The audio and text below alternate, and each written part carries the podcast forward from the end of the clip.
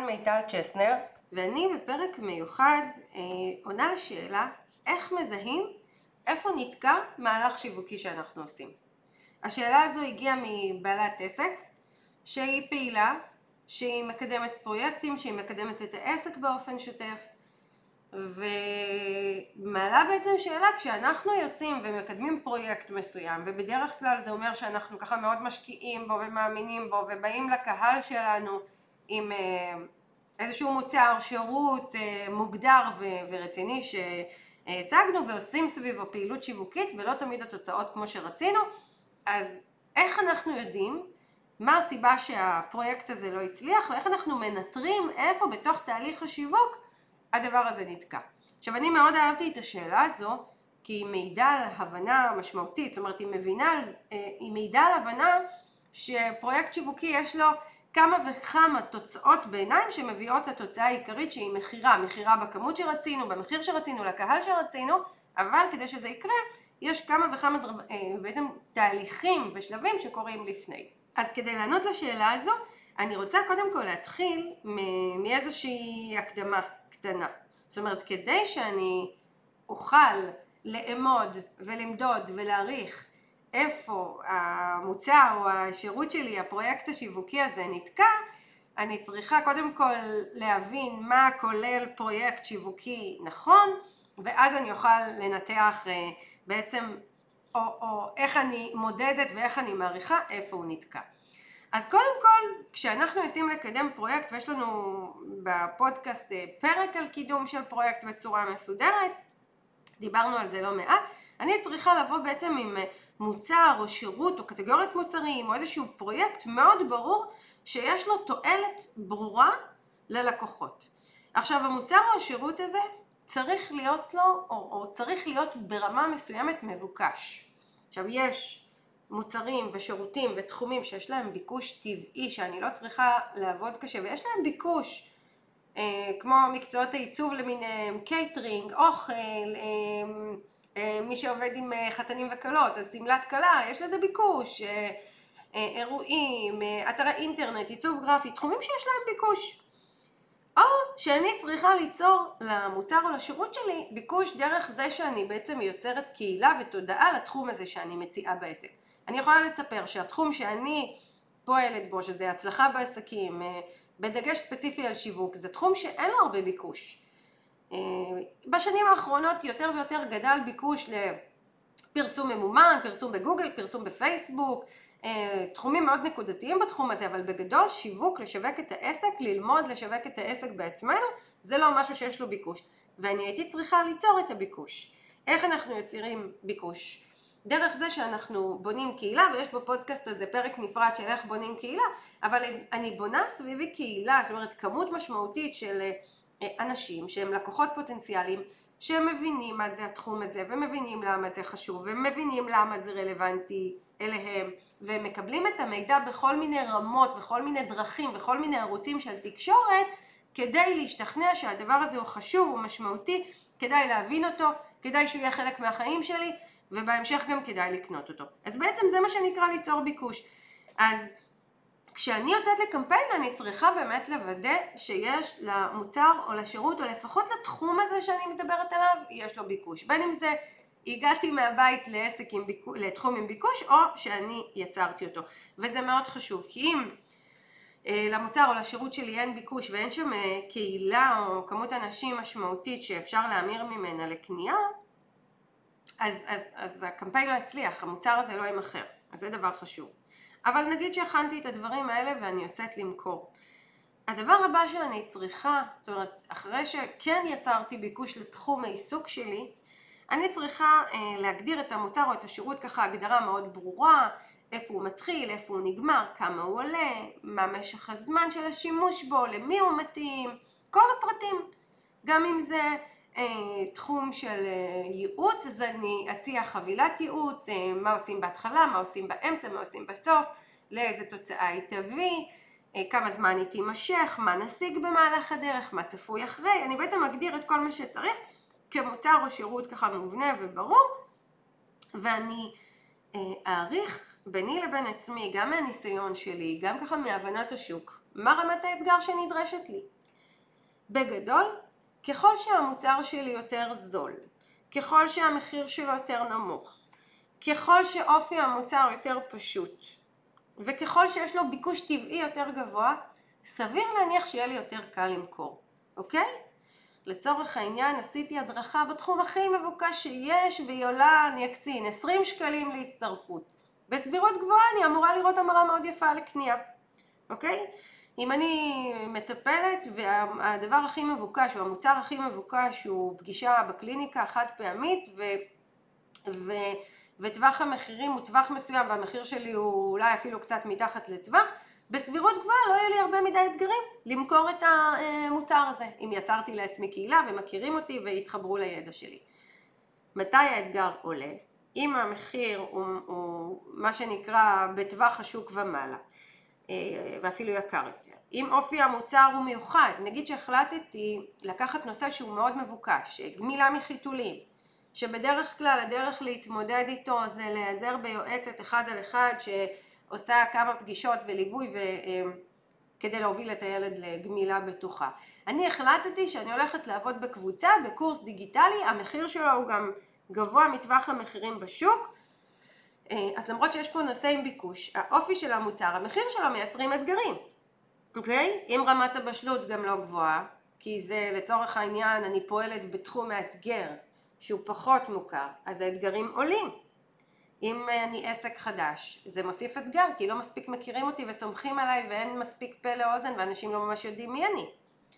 אם זה קמפיין ראשון שלי, אם זו פעם הראשונה שאני מקדמת את המוצר הזה, נגיד שיש לי עסק שהוא ותיק והוא חזק ואני מקדמת אה, הרבה פרויקט מסוים, מוצר מסוים, קורס, סדנה, הדרכה, פגישות ופתאום באתי עם תחום ממש אחר, עם קורס ממש אחר, עם פורמט ממש אחר וזו פעם ראשונה שאני מקדמת.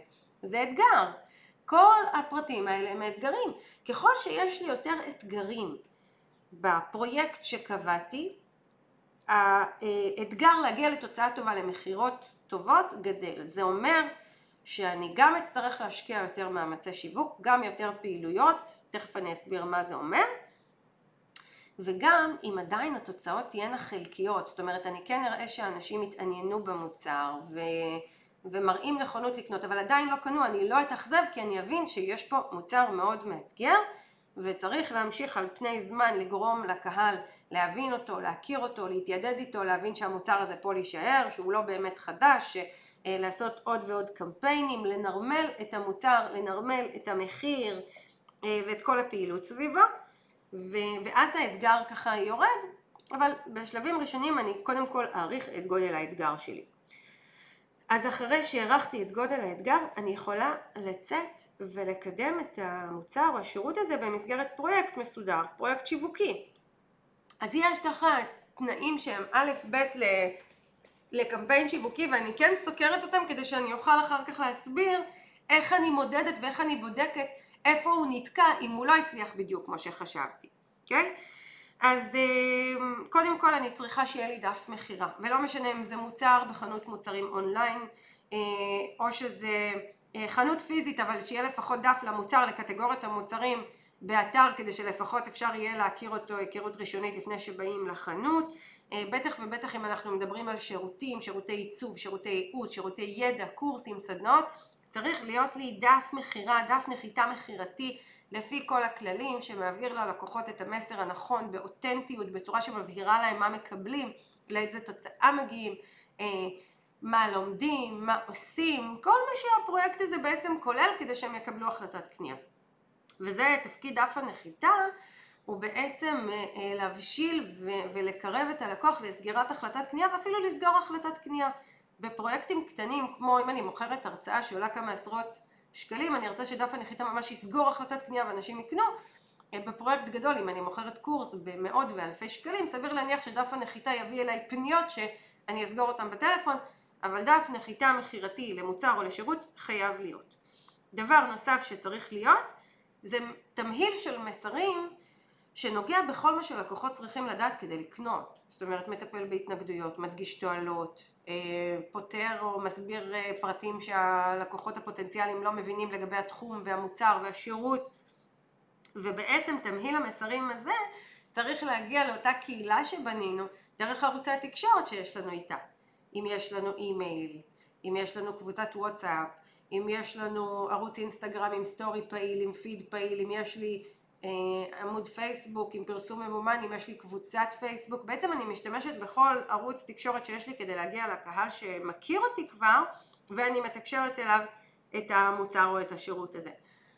עכשיו מאוד חשוב להבין שלרוב המוחלט של המוצרים בין אם יש להם ביקוש ובין אם אין להם ביקוש טבעי פרסום ממומן שדרכו נגיע פעם ראשונה ללקוחות לא משנה כמה המסר יהיה מעולה וטוב לרוב לא יביא קנייה מיידית ולכן אותם עסקים שנתלים בפרסום ממומן וחושבים שאני אבוא עם מוצר מצוין ומעניין ורלוונטי ואני אפרסם פרסום ממומן זה אמור לעבוד ולהימכר ברוב המוחלט של המקרים זה לא קורה הקהל אפילו במוצרים קטנים אה, כן רוצה להכיר אותנו היכרות מוקדמת, לסמוך עלינו ברמה גבוהה כדי לקנות מאיתנו. ולכן אם יש לי כבר קהילה שאני עובדת איתה ומעבירה אליה מסרים באופן שוטף בערוצי תקשורת שוטפים, אז יהיה מאוד נכון לתקשר את המסרים האלה לקהילה הזו. ואני כן יכולה להשתמש בפרסום ממומן לקהל שכבר גילה מעורבות בתוכן שלי, זה גם בסדר, כי כן הייתה מעורבות לפני שבאתי והצעתי לו את המוצר. אבל ללכת ולעשות פרסום ממומן לקהל שלא מכיר מספיק, אמ, זה, זו סיבה מאוד מאוד משמעותית לכך שלא תהיה תגובתיות ומי שבעצם מקשיב לפרק הזה והקידום של המוצרים והשירותים שלו מתבסס על פרסום ממומן אז מראש אני אומרת, מראש העבודה פה היא לא יעילה מהיסוד ואני מראש לא הייתי מצפה פה להמרה לקנייה, המרה לקנייה תתרחש כאשר יש לי מוצר או שירות שכבר יצרתי קהילה שמבשילה ברמה מאוד בסיסית, אה, מכירה את התחום, מכירה אותי, סומכת עליי ויש בעצם תנאים מקדימים טובים למכירה לקהילה הזו. אז הדבר הבא בעצם שאמרתי, אמרתי שצריך להיות לנו דף מכירה, צריך, צריכים להיות לנו מסרים שמתוקשרים דרך ערוצי תקשורת לקהילה שמכירה אותנו וצריך להיות לנו גם ליתר ביטחון גם מעמד מכירה מרוכז. בין אם זה פעילות שאני עושה בקבוצה ואחריה אני מוכרת, בין אם זה שידור לייב ברשתות חברתיות שדרכו אני מוכרת, בין אם זה וובינר מסודר, בין אם זו הרצאת מבוא או כנס, בין אם זה פעילות ככה מורחבת אה, בקבוצת וואטסאפ. יש לנו הרבה אה, פלטפורמות היום שאנחנו יכולים לייצר איזושהי פעילות מקדימה או בחינם או בסכום מאוד מאוד סמלי שדרכה אנחנו בעצם חושפים לאותו קהל שמכיר אותנו בהדרגתיות את המידע החשוב או את הנושא או את התחום החשוב ככה ברמת עומק יותר גבוהה, מקבלים ממנו אמון יותר גבוה ובסוף הפעילות הזו אנחנו גם מוכרים, אוקיי? Okay? ולכן זה נקרא מעמד מכירה מרוכז וזה מאוד עוזר לנו להגדיל את הסיכוי שאנחנו נגיע לתוצאות טובות בפרויקט שמכרנו וכמובן כהקדמה לכל הפרויקט הזה צריכה להיות פעילות שוטפת אמ, מול אותה קהילה שלי. זאת אומרת, אם אני באופן כללי מדברת על נושא מסוים מול הקהילה ומעבירה מסרים ברשתות חברתיות ויש לי ערוצי עומק כמו פודקאסט או בלוג ו- ויש לי מתנות דיגיטליות מעמיקות ו- ובעצם השיווק שלי הוא מעניין, הוא מגוון, הוא מדבר על הנושא באופן שוטף, נוצרת בשלות בסיסית שגם היא חלק בלתי נפרד מהצלחת הקמפיין.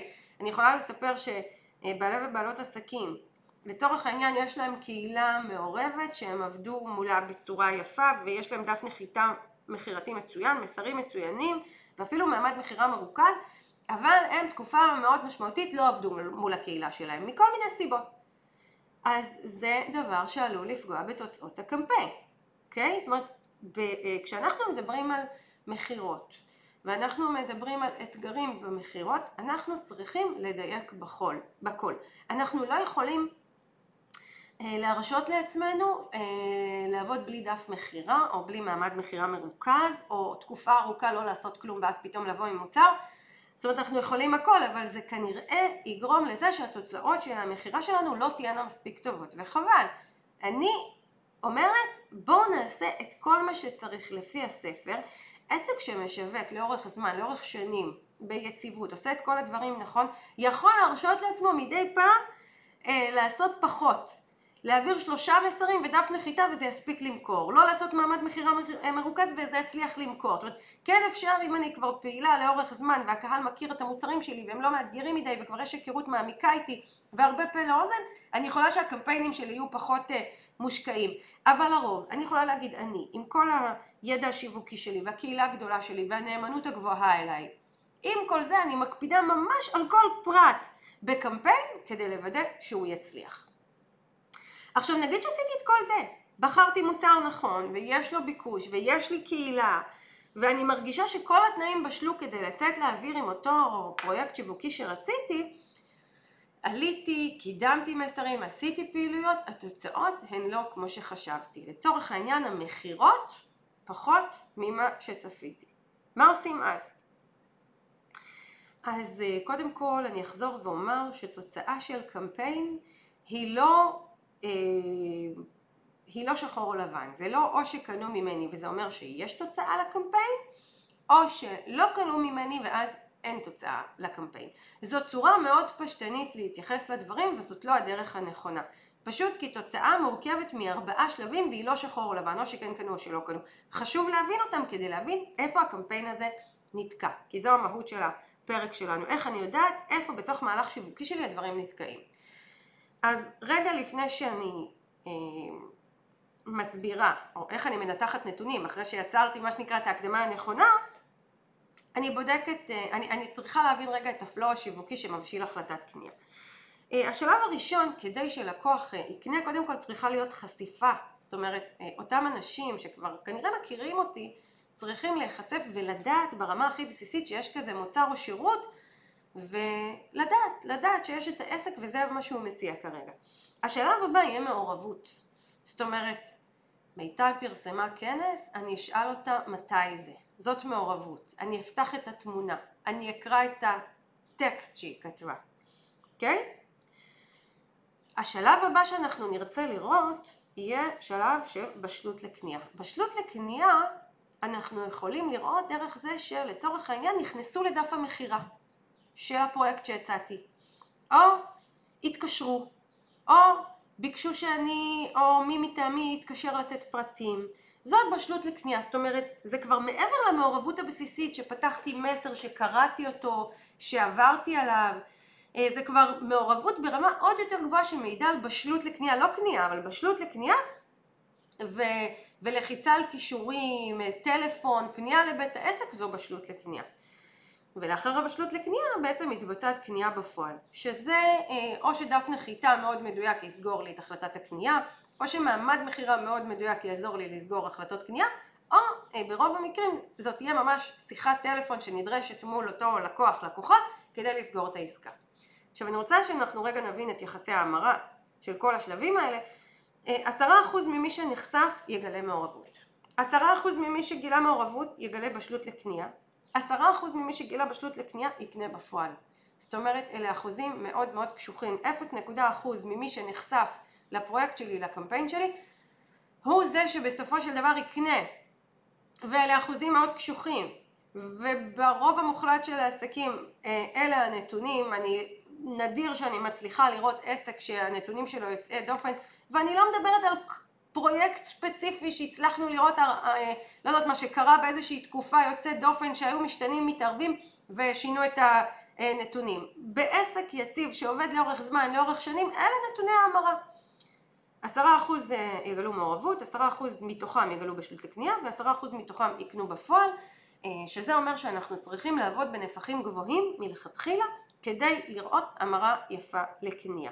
עכשיו, למה אני מציינת את הסטטיסטיקות האלה? אני מציינת אותן כי אנחנו, אה, ברגע שאנחנו מציעים מעלים להעביר קמפיין, אני צריכה לבדוק את הסטטיסטיקות האלה ואני אסביר איך אנחנו עושים את זה.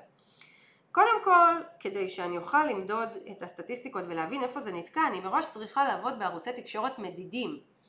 אם נגיד אני עובדת רק מפה לאוזן, אין לי איך למדוד כמה נחשפו, כמה גילו מעורבות, כמה בשלות לקנייה, אוקיי? Okay? אם אני אה, עובדת נגיד בפרופיל פרטי בפייסבוק ובאינסטגרם, אין לי שום סטטיסטיקה, אני לא יכולה לדעת מי, אה, כמה גילו מעורבות, כי יש אנשים שנגיד יקראו את הפוסט שלי ולא יגיבו כלום, אני לא יודעת כמה אנשים גילו מעורבות, לא יודעת כמה הקליקו על קישור.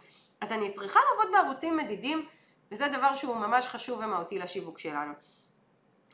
אה, אז בהנחה שאני כן עובדת בערוצים מדידים, אז חשיפה, אני אוכל אה, לדעת אם עבדתי בערוצי חשיפה. לצורך העניין חשיפה, אני יכולה לקבל בפייסבוק, באינסטגרם, נגיד שעשיתי פרסום ממומן, או שפרסמתי פוסט בקבוצה שלי, או שהעליתי לסטורי אזכור לגבי מה שאני מציעה, אני יכולה ללכת ולבדוק את החשיפה.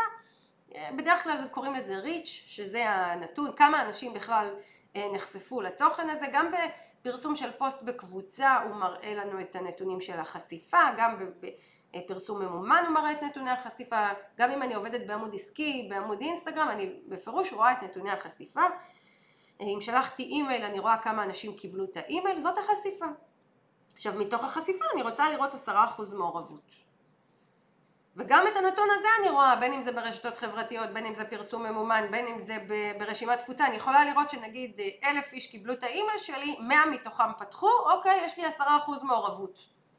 בסדר? אני רוצה לראות עשרה אחוז מעורבות. בדרך כלל ברשימות תפוצה או נגיד בקבוצות וואטסאפ, מי שעובדת, אחוזי ההמרה למעורבות הם יותר גבוהים, כי זה קהל חם, קהל קרוב. ברשתות חברתיות, בעיקר בפרסום ממומן, לרוב אם נצליח להגיע לעשרה אחוז יהיה מאוד יפה, לפעמים זה אפילו פחות.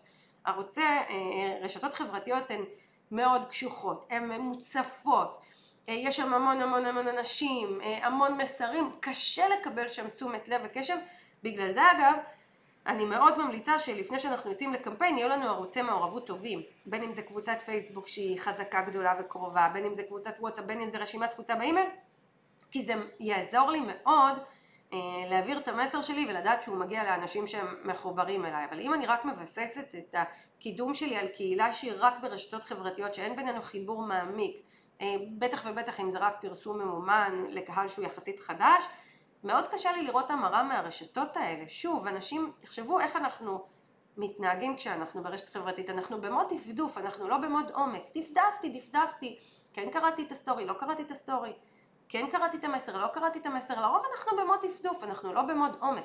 לעומת זאת, אם אני פותחת אימייל, לרוב אני ב mode עומק. ולכן כדאי כשנצא לדרך לקמפיין עם ערוצי, אה, עם ערוצי מעורבות וחיבור טוב לקהל.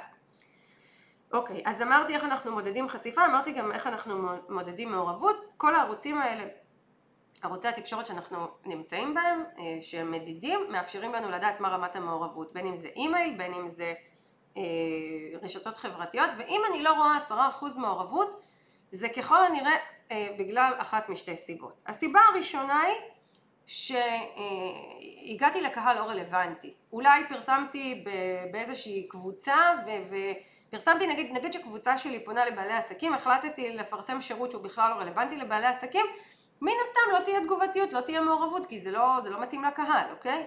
אז או שעשיתי פרסום ממומן, והפרסום הממומן פונה לקהל שהוא לא מדויק.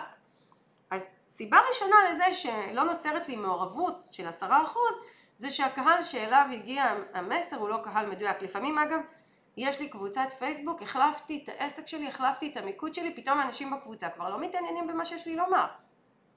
או שיש לי רשימת תפוצה שפתחתי אותה כשהייתי מאמנת אישית לכל מיני נשים, והחלטתי לעשות אדפטציה רק לבעלי ובעלות עסקים. אז אם שלחתי מסר לרשימה, חלק גדול מהאנשים שם זה לא רלוונטי כי הם לא בעלי עסקים, אוקיי? Okay?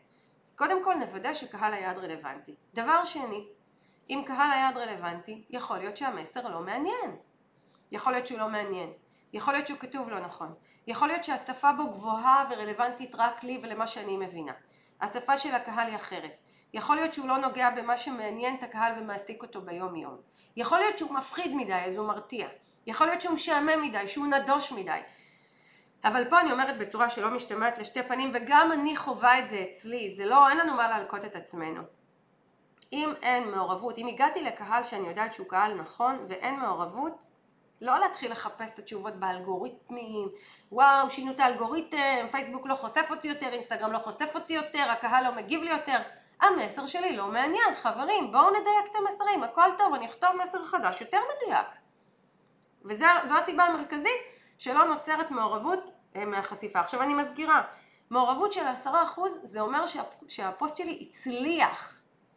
מי שמצפה ליותר מעשרה אחוז זה, זה מה שנקרא, אתם לא במקצוע הנכון, זה, זה לא קורה בהתנהגות צרכנים, זה נדיר, נדיר, נדיר. וכן, יש אנשים שאומרים לי מיטל, אבל רוב הפוסטים שלי מגיעים ל-20% ופתאום הפוסט הזה הגיע ל-10%. בסדר, זה עדיין תקין. זה עדיין תקין, זה בטווח התקין. ואפילו פחות מזה, אני אומרת, ברשתות חברתיות גם 5% המרה מחשיפה למעורבות זה תקין. אז זה השלב הראשון שאני בודקת. נגיד שיש לי מספיק מעורבות, כן מיטל, את יודעת מה? יש לי בין חמישה לעשרה אחוז מעורבות, נהדר. אני רוצה עכשיו לראות בשלות לקנייה. אז אם הוספתי למסרים שלי לינק לדף נחיתה, אני יכולה לבדוק כמה הקליקו על הלינק, האם הקליקו בין חמישה לעשרה אחוז? יופי, זה אומר שהקמפיין שלי מבשיל לקנייה. אם לא הקליקו, או לא פנו, או לא התקשרו, או לא שלחו וואטסאפ, כל פעולה שבעצם הכנסתי לקמפיין שלי, אז יכול להיות שהמסר שלי הוא לא מספיק מסחרי. יכול להיות שהקישור לא עובד, הוא מגיע לקישור לא נכון. יכול להיות שהמסר ארוך מדי ועד שהגיעו לפואנטה של להקליק הם כבר איבדתי אותם כי כתבתי מסר של אלף מילים ומזמן כבר איבדתי את הקהל. יכול להיות שהמסר שלי אה, מתחיל טוב והוא מסקרן אבל הוא לא ממשיך בצורה טובה, זאת אומרת הוא עדיין לא כתוב מספיק טוב ולכן לא הקליקו. יכול להיות שהמוצר שלי לא מעניין יכול להיות שהוא לא ברור, יכול להיות שהוא יכול להיות מעניין, אבל לא הבהרתי אותו כמו שצריך, לא מבינים אותו, לא מבינים למה בכלל להקליק. יכול להיות שהשם שלו לא מסקרן, ההגדרה שלו. יכול להיות שהוא רחוק מדי, הוא עוד שלושה חודשים, הלקוחות אומרים לעצמם מה יש לי עכשיו להקליק על הדבר הזה. זאת אומרת, אם אה, אה, אני רואה שיש לי פחות מדי הקלקות על כישורים, אז, ובהנחה שיש לי מעורבות טובה, אני אבדוק אם המסר שלי הוא באמת עושה חשק למה שנקרא להקליק, שבאמת סקרנתי עם המוצר. וגם פה אני שוב אבדוק האם הגעתי לקהל יעד מתאים. עכשיו אני שוב אתייחס פה לפרסום ממומן. לרוב, אם מדובר במסר שעולה ברשתות חברתיות וכמות ההקלקות נמוכה, זה קשור לזה שהקהל ברשתות חברתיות נמצא במוד דפדוף ולא במוד עומק. אוקיי? אז שם אני פחות אתייחס לסטטיסטיקה. אבל למשל, כשאני מפיצה מסר לרשימת תפוצה, עם הודעה על פרויקט שאני מציעה, אני כן ארצה לראות שלפחות עשרה אחוז מהאנשים שפתחו את האימייל יקליקו על קישור, לפחות באימייל הראשון. אני ארצה לראות את זה, כי זה מעיד שהמסר שכתבתי והמוצר שהצעתי והדרך שבה הצעתי היא מעניינת. ואם לא, אני אתקן, אני אדייק את המסר, אני אבדוק שהוא מספיק מסחרי, אבדוק שהמוצר מספיק מעניין, אבדוק שהקישור תקין. אני גם אוסיף עוד דרכים ליצור איתי קשר, יכול להיות שיש אנשים שלא רוצים ללחוץ על קישור, מעדיפים להתקשר. מעדיפים לשלוח אל האימייל חוזר, אני אאפשר להם את כל צורות הפנייה כדי להגדיל את הבשלות הזו לקנייה. אז גם את זה אני אבדוק. ואני שוב אומרת, לא לסמוך על רשתות חברתיות במה שקשור למכירה. מבחינתי, אם תשאלו אותי, הייתי שמחה שנוכל למכור אך ורק מול ערוצי מעורבות גבוהה, זאת אומרת מול רשימת תפוצה, מול קבוצות וואטסאפ, או, או באופן ישיר ללקוחות ב-SMS, בהתאם לכללי חוק הספאם, כן? אני לא אומרת חלילה לעשות משהו שאסור. אבל אה, אם אני כן עובדת גם ברשתות חברתיות והקמפיין שלי מבוסס רק על רשתות חברתיות אז אחת הסיבות המרכזיות לזה שהוא לא עובד זה שהקהל במוד דפדוף, הקהל לא במוד עומק. אני צריכה קודם כל לבנות ערוצי עומק ולשווק דרכם ובאמת לבדוק שכמות האנשים בערוצי העומק מספיק גבוהה כדי שיהיה לי בכלל פוטנציאל המרה. עשרה אחוז מחשיפה למעורבות, עשרה אחוז ממעורבות לבשלות לקנייה. ושימו לב, גם מתוך מי שהקליק לדף עשרה אחוז בלבד יקנו, ואני אחמיר פה יותר. כשמדובר במוצר פשוט, כמו נגיד הרצאה, אני יכולה לספר שבמקרה שלי ייכנסו לדף הנחיתה אלף אנשים, מה יקנו. זאת אומרת, כן ראיתי עשרה אחוז המרה בדף נחיתה למוצר פשוט כמו הרצאה שעולה כמה עשרות בודדות של שקלים. אם אני מוכרת נגיד קורס, וזה קורס שעולה כמה אלפי שקלים, ההמרה מתוך מי שנגיד יקליק לדף נחיתה לבין מי שקנה יכולה לרדת אפילו עד 0, סליחה עד 1 אחוז. אצלי למשל בקורסים ייכנסו לדף נחיתה משהו כמו אלף איש, עשרה מהם יקנו. אלה הסטטיסטיקות. לפעמים אני מצליחה להגיע לשני אחוז, זאת אומרת אלף איש נכנסו, עשרים קנו. אבל הסטטיסטיקות ככל שמחיר המוצר עולה, ואני הסברתי את זה בחלק של מה שנקרא כמה המוצר מאתגר, אחוזי ההמרה עוד ירדו. עכשיו אני אגיד פה עוד משהו, ככל שאני עובדת ועושה פרויקטים שוב ושוב ושוב, אז אני יכולה לעקוב אחרי הנתונים של הפרויקט ולזהות התנהגות נורמלית ואחוזי המרה נורמלית. זאת אומרת, יכול להיות שאני בתחילת הדרך הייתי רואה שנכנסים אלף איש וקונים עשרים, וזה היה נראה לי מעט. אבל אחרי כמה וכמה קמפיינים כאלה, שאני רואה שאלה הנתונים אצלי, נכון, אני יכולה ללכת ולהחליט שאני משפרת אותם, מדייקת יותר את המסרים, מגדילה את הקהילה, יכול להיות. אבל אני למשל למדתי להשלים איתם וכן להצליח לייצר מזה את כמות ההכנסות שאני רוצה. אוקיי, אז כל קמפיין אני אביא אלף איש לדף נחיתה כדי שיסגרו איתי עשרים, הכל טוב, זה בסדר גמור, מבחינתי הסטטיסטיקה עובדת לי מעולה. אז גם להבין את זה. עכשיו נגיד שאני רואה שכמות אנשים יפה נכנסה לדף הנחיתה, נגיד שנכנסו 300 איש לדף הנחיתה ואין אף פנייה ואין רכישה ואין התעניינות, אין אפילו הודעה שאומרת אני רוצה לבוא, אני אשמח לדעת אם יש ככה וככה התייחסות לזה וזה. אם אין בכלל, יכול להיות שדף הנחיתה כתוב לא נכון, נראה לא טוב, לא ידידותי, דורש גלילה גדולה מדי, הכתב קטן מדי, הכתב גדול מדי, הצבעים בוהקים מדי, הטופס לא בולט, אה, כל מיני סיבות, התמונות עולות אחת על השנייה, אין התאמות מובייל, אוקיי? היום 80% מהכניסות מגיעות ממובייל, הדף צריך להיות קודם כל נראה טוב במובייל, אחר כך ב desktop. ועסקים קודם כל מעצבים אותו ב desktop ואחר כך במובייל, זו טעות, כן? אז אני צריכה לבדוק את דף הנחיתה, מה שם לא עובד.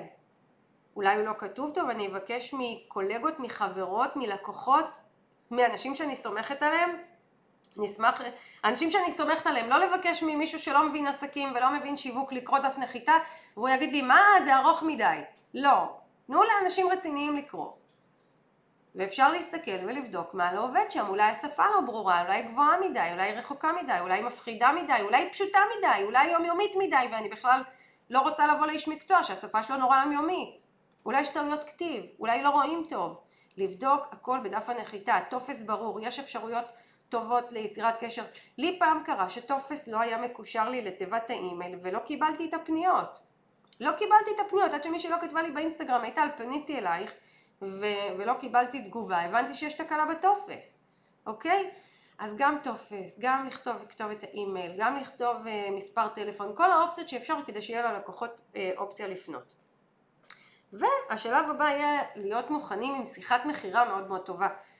כי אני אומרת, בפרויקטים הרציניים שלנו, ובתחילת הדרך שלי אפילו בהרצאות שעלו סכומים בודדים של שקלים, אנשים רצו לדבר איתי כדי לסגור את העסקה, וזה בסדר גמור, לקבל את זה בהבנה, באהבה, ולדעת לנהל שיחת מכירה טובה. עכשיו פה יש עסקים שמה שנקרא יש להם חשיפה ויש להם מעורבות ויש בשלות לקנייה ויש כניסות לדף ויש אפילו פניות ועסקאות לא נסגרות ואז הם אומרים לעצמם לא, זה לקוחות לא מתאימים, זה לקוחות לא נכונים, זה לא מי שאני צריכה, אני צריכה סוג לקוחות אחר, אני צריך... לא, לא, לא, חבר'ה, עסקאות אנחנו צריכים להיות מסוגלים לסגור. יש מיומנות לסגירת עסקה, יש ידע איך סוגרים עסקה. אז קודם כל צריך לדעת לנהל שיחת מכירה בצורה טובה. להקשיב ללקוח, להבין מה, מה הוא מחפש, מה מניע אותו, מה הוא רוצה, איזה פתרון, לוודא שאנחנו מסוגלים לתת לו את זה, לשקף את זה ולהסביר לו חזרה את זה בשיחה. להבין מה באמת האתגרים וההתנגדויות שלו, לענות עליהם באופן ישיר, לדבר בביטחון, אה, להעניק תחושה שאנחנו באמת מסוגלים לפתור לו את הבעיה ולפתור לו את הבעיה לאו דווקא יהיה במסגרת הזמן שאני מלווה אותו, לפעמים זה יהיה בטווח יותר ארוך, אבל כן להסביר לו איך המוצר או השירות שלי נותן לו בדיוק את המענה שהוא רצה ומה שנקרא להסתער על כל הכוח במלוא האמונה והביטחון שלנו ולסגור את העסקה הזו, לא לתת לעסקאות לברוח מבין האצבעות. אם באמת יש באופן מובהק מישהו, מישהי שלא מתאים להם להגיע אליי, אני אומר את זה. אני בכל קורס שלי יש אנשים שאני בפירוש אומרת לא מתאים לך לבוא אליי ואני, ו, ואל תבוא. יש. אבל אם כן יש שם מישהו שפשוט יש לו חסמים ויש לו התנגדויות, אני אתיר את החסמים, אני אפתור את ההתנגדויות, אני אעודד אותו, אני אדרבן אותו, אני אחזק אותו ואני אגרום לו להבין איך המוצר שלי יכול להועיל לו. והעסקה תיסגר. והקמפיין הושלם. ויש פה כמה וכמה שלבים שהם מביאים אותנו להצלחה הזאת של מה שנקרא כן מכרתי או לא מכרתי.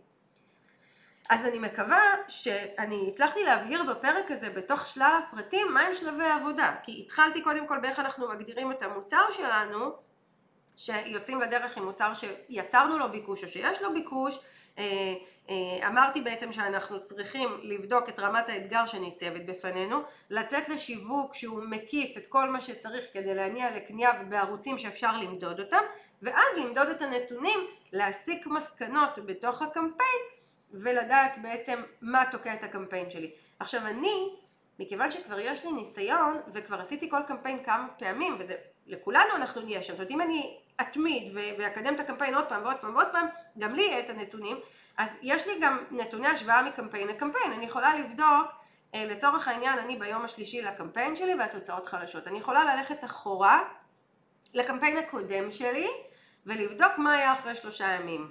אה, לבדוק נגיד בנתוני האנליטיקס של האתר אחרי שלושה ימים מפתיחת הקמפיין מה היו נתוני הכניסה לעמוד, אני יכולה לחזור לרשתות חברתיות שלי, אני אספר לכם שאני כל קמפיין משמעותי, יש לי משהו כמו ארבעה חמישה קמפיינים משמעותיים בשנה, אני ממש אה, אה, עוקבת אחרי הנתונים וכותבת אותם לעצמי. אני פותחת דף וורד או דף אקסל וממש מציינת יום הראשון לפעילות, מה עשיתי, איפה העליתי מסרים, אה, אם היה איזשהו משהו מיוחד, נגיד מישהו מהבוגרים שלי כתב הודעה מאוד מפרגנת בקבוצה, אני אציין לעצמי, זו וזו כתבה הודעה מפרגנת ואני אשים אפילו קישור כדי שאני אבין מה היה שם. אני אכתוב בסוף היום כמה נכנסו בסוף היום הראשון לדף הנחיתה. כמה פניות היו לי, יש לי קובץ שבו אה, מתועדות כל הפניות, מי פנה, באיזה תאריך, אה, אה, מי טיפל בו, אז אני גם יכולה לדעת בתום היום הראשון כמה פנו. הכל אני מתעדת, יום ראשון, יום שני, יום שלישי, ככה 20 ימי קמפיין, 30 ימי קמפיין אני מתעדת, ואז בקמפיין הבא אני יכולה לחזור לקמפיין הקודם ולהשוות. לפעמים אני רואה באמת, בקמפיין האחרון שלי זה היה, אה, היו הרבה פניות, פחות פניות מהרגיל, ואז הלכתי והשוויתי את כמות הכניסות אחרי כמה ימים שהייתי בקמפיין, בקמפיין הקודם ובקמפיין הנוכחי, וראיתי שבאמת כמות הכניסות לדף הנחיתה שלי הייתה נמוכה. אז הלכתי לעבוד על להביא אנשים לדף הנחיתה, אוקיי? כתבתי מסרים יותר חזקים, יותר מגויסים, הוספתי עוד מסר לרשימת התפוצה, מסר מחזק, מסר ממלא, עליתי לשידור לייב אותו יום, דרבנתי, מהר מאוד הבאתי את כמות האנשים שנכנסים לדף הנחיתה לקצב הקבוע שלי. אבל ידעתי לנטר את זה כי גם אני תיעדתי נתונים מקמפיין לקמפיין, אז כל קמפיין שלי מתועד. וגם עם בוגרי הקורסים ומשתתפי הקורסים אני חולקת את הקבצים האלה אז הם גם יכולים ככה לראות את זה אה, ולעשות את זה אצלהם, זה מאוד חשוב. אז זהו, אז בעצם ניטור הנתונים גם מאפשר לי עוד דרך להבין איפה בקמפיין שלי אני כרגע תקועה. אז אני מקווה שהבהרתי את הנקודה הזו, זה פרק שלא קל לי להסביר אותו ולהקליט אותו כי הוא תיאורטי על נושא שקצת צריך לראות אותו בעיניים אבל כן אני מקווה שנתתי פה אה, הסבר שאפשר לעבוד איתו ואם אני מנהלת קמפיין והוא לא מצליח כמו שחשבתי להבין מה קורה בתוך הקמפיין כדי אה, לשנות ולדייק את הקמפיין שלי ככה שהוא כן ייתן את התוצאות אני אספר שבפודקאסט בפרקים הקודמים יש אה, גם פרק על איך בונים קמפיין מלכתחילה ממש צעד צעד איך עושים קמפיין שלם שמייצר תוצאות אה, ויש גם פרק שהקלטתי והסברתי מה עושים כשקמפיין לא מצליח. נגיד שעשיתי אה, כל, עשיתי הכל נכון, מיטל, כל מה שאמרת היום עשיתי נכון, מה בכל זאת אני יכולה לעשות כדי שקמפיין יצליח? אז יש פרק שאני ממש נתתי שם שורה של צ'קליסט אה, שלם עם רעיונות, שדברים שאפשר לעשות כדי לגרום לקמפיין להצליח למרות שהתוצאות שלו מדשדשות, אז אפשר לחזור אחורה ולהקשיב גם לו. וכמובן לשאול אותי כל שאלה בקבוצת הפייסבוק עושים עסקים גדולים עם מיטל צ'סטנר אני אשמח לענות לשאלות, להתייחסויות, לתגובות שלכם לפרקים, לפרק הזה, לפרקים אחרים. אפשר כמובן לכתוב לי רעיונות לפרקים חדשים. אני מאוד אוהבת שאתם כותבים לי ואני מאוד אוהבת גם שאתם מתייגים אותי באינסטגרם עם הפרק שאהבתם בפודקאסט, משתפים עם חברים. אה, באמת זה ממלא לי את הלב והפודקאסט הזה הוא סוג של baby שאני אוהבת לחלוק בו תוכן אז כיף לי להרגיש שאתם איתי בעניין הזה. אז זהו חברים, אני אגיד לכם תודה שהקשבתם לי היום, חברים וחברות. אה, אנחנו נמשיך להיות בקשר ושרק נמשיך לעשות עסקים גדולים. ביי ביי.